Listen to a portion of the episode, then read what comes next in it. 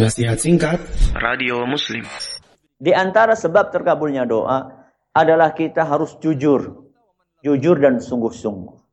Jujur maksudnya ya serius dalam berdoa. Kita ini betul-betul minta sama Allah. Kita jujur ya Allah, aku ini butuh ini. Ya. Betul-betul aku mohon bantuan darimu ya Allah. Aku ini butuh sama kamu, sama engkau. Kami tidak kami tidak tahu jalan ke mana lagi kalau bukan kepada Engkau ya Allah. Ini namanya jujur, sungguh-sungguh, beneran, serius, nggak main-main. Karena ada sebagian orang berdoanya itu main-main. Ya Allah, aku minta ini. Kalau nggak dikasih nggak apa-apalah. Nyari sama yang lain. Nggak. Tapi betul-betul serius minta kepada Allah saja. Dan inilah perintah dari Allah Subhanahu wa taala dalam Al-Qur'an surat At-Taubah ayat 119.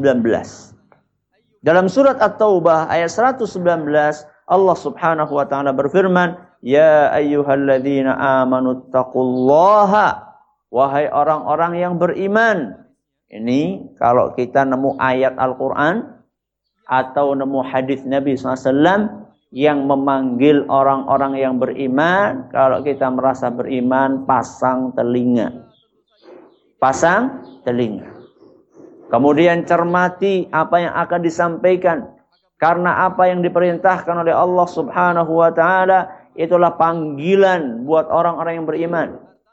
Seandainya kita dipanggil sama bos kita, dipanggil sama kepala sekolah, dipanggil sama atasan, ya, dipanggil sama yang lain-lainnya orang yang kita hormati, kita begitu cepat untuk memenuhi panggilannya.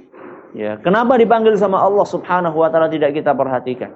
Allah Subhanahu wa taala berfirman, "Ya ayyuhalladzina amanu, wahai orang-orang yang beriman." Apa kata Allah Subhanahu wa taala? Ittaqullah. Wahai orang-orang yang beriman, bertakwalah kalian kepada Allah.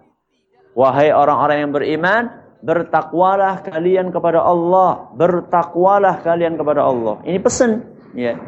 Pesan supaya kita bertakwa kepada Allah. Setelah pesan bertakwa kepada Allah, Allah menambahkan pesannya wa kunu ma'as sadiqin. Bersamalah kalian dengan orang-orang yang jujur. Ini perintah dari Allah. Mau milih teman, temanlah uh, pilihlah teman yang jujur. Kenapa? Kalau temannya nggak jujur, nanti kita akan terpengaruh. Ya, ada yang namanya pegawai masuk ke perusahaan jujur. Ada seorang karyawan masuk ke kantor jujur. Ya, masuk ke instansi seorang pegawai jujur. Tapi begitu temennya pada nggak jujur, lama-lama terpengaruh. Ya, lama-lama terbawa. Makanya penting sekali kita untuk memilih teman yang baik. Kalau enggak, temannya korupsi, sendiri nggak korupsi, nanti ah nggak enak sama yang lain. Akhirnya terjadilah korupsi berja, berjamaah. Sholat, ber, sholatnya nggak berjamaah, yang berjamaah apanya? Korupsinya ya, korupsinya berjamaah. Sholatnya nggak berjamaah, korupsinya yang jamaah. Subhanallah. Ini gara-gara salah satu penyebabnya, gara-gara temannya nggak jujur. Makanya di sini Allah berpesan, bersamalah kalian dengan orang-orang yang jujur. Dan ini juga sekaligus pesan buat kita supaya jujur. Ya, supaya kita jujur. Wa kunu bersamalah kalian dengan orang-orang yang jujur. Maksudnya kalian itu jadilah orang-orang yang jujur juga. Ya, supaya kalian bisa gabung sama orang-orang yang jujur tersebut. Ya. Karena biasanya orang itu akan bergaul dengan seorang yang satu tipe dengannya. Jadi kalau misalnya dia punya dia punya karakter jujur, maka dia akan klop dengan orang yang jujur. Makanya biasanya pencuri temennya siapa? Pencuri. Ya. Pemabok temennya pemabok. Ya. Orang yang rajin jamaah biasanya temennya juga rajin jamaah. Orang rajin ngaji, temannya rajin ngaji. Ibu-ibu kalau uh, ada orang seneng rumpi, biasanya temennya juga seneng rumpi. Ya. Soalnya kalau misalnya berteman sama yang nggak ngerumpi, nggak klop, yang ngerumpiin apa nggak paham temennya, akhirnya males. Ya, makanya carilah teman-teman yang baik supaya kita terpengaruh dengan kebaikannya. Ya, ini pesan dari Allah Subhanahu wa taala. Kemudian dari Nabi Shallallahu alaihi wasallam yang menunjukkan tentang etika jujur ya adab jujur atau diperintahkan untuk jujur dan bersungguh-sungguh dalam berdoa adalah sebuah hadis yang diriwayatkan oleh Imam Muslim di mana Nabi kita sallallahu alaihi wasallam bersabda man sa'ala syahadata bisidqin. Man sa'ala Allah syahadata bisidqin. Barang siapa yang dengan jujur minta kepada Allah mati syahid. Lihat kata-kata yang saya garis yang saya cetak tebal dengan jujur. Jadi barang siapa yang minta kepada Allah dengan jujur, minta apa mati syahid. Ya Allah, saya ingin mati syahid. Mati di jalanmu ya Allah. Karena banyak di antara kita itu mikirnya hidup enak. Tapi nggak mikir mati eh, enak. Kita selalu mikir bagaimana saya bisa hidup nyaman. Tapi nggak mikirin bagaimana mati nyaman. Ya, banyak di antara kita yang penting bagaimana hidup kita enjoy, tapi nggak pernah mikir bagaimana mati kita enjoy. Ya. Makanya di sini Nabi SAW mengajarkan kepada kita agar mintalah syah, mati syahid, ya, mati di jalan Allah. Barang siapa yang minta kepada Allah dengan jujur, ya Allah wafatkanlah aku dalam keadaan syahid.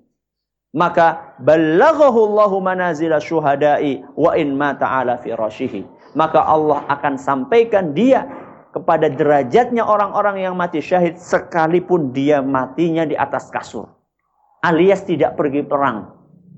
Nah, alias tidak pergi perang. Karena kan selama ini kan gambarannya syahid itu mm, tewas di medan pertempuran. Ya. Sampai berdarah-darah. Ya. Mungkin dia mengalami masa-masa yang sulit. Tangannya mungkin uh, ditebas sama musuh kanan kiri, ditusuk, kemudian dia meregang nyawa di tengah padang pasir. Mungkin gambarnya seperti itu. Akan tetapi orang-orang yang jujur di dalam meminta, walaupun dia kemudian tidak meninggal di jalan uh, di, di perang, ya, dia tidak meninggal di kancah pertempuran, tapi dia meninggalnya di atas kasur, maka Allah Subhanahu wa taala tetap akan memberi dia pahala seperti orang yang berjihad di jalan Allah. Kenapa? Karena kejujurannya tadi. Makanya di sini nah, Nabi kita SAW mengisyaratkan tentang pentingnya jujur dalam berdoa. Maka kita minta aja jujur sama Allah. Jadi kita minta apa jujur sama Allah. Ya Allah, aku betul-betul ya Allah. Aku pengen ya Allah betul-betul husnul khatimah misalnya. Ya Allah, aku betul-betul pengen ya Allah. Pengen bisa infak yang banyak dengan harta yang aku miliki. Ternyata Allah takdirkan kita sampai wafat duitnya segitu-gitu aja. Ya Allah, aku jujur ya Allah, aku sebenarnya pengen berhaji ke eh, ke, ke Baitullah. Akan tetapi aku tidak mampu secara finansial sekarang. Tapi aku jujur ya Allah, kalau aku punya duit, aku bakalan berangkat. Jujur, betul di dalam hatinya. Bukan bukan ngelek, bukan ngetes Allah, ya, bukan bohongin Allah. Misalnya ya Allah, aku betul-betul ya Allah kalau duitnya banyak, aku bakalan haji. Ternyata begitu dikasih duit banyak, aduh rumah dulu lah. Eh? Setelah rumah dulu, setelah itu aduh mobil dulu lah. Berarti nggak jujur itu. Dia betul-betul jujur dalam hatinya ya Allah. Aku nih kalau dapat harta, akan aku gunakan untuk berhaji. Kalau kita jujur, dikabulkan sama Allah. Kalaupun tidak dikabulkan, sampai meninggal kita nggak punya dana tersebut, maka kita akan mendapatkan pahala seperti orang yang haji, walaupun kita tidak berangkat haji. Itulah fungsi manfaat dari kejujuran dalam berdoa. Makanya mintalah kepada Allah dengan penuh kejujuran.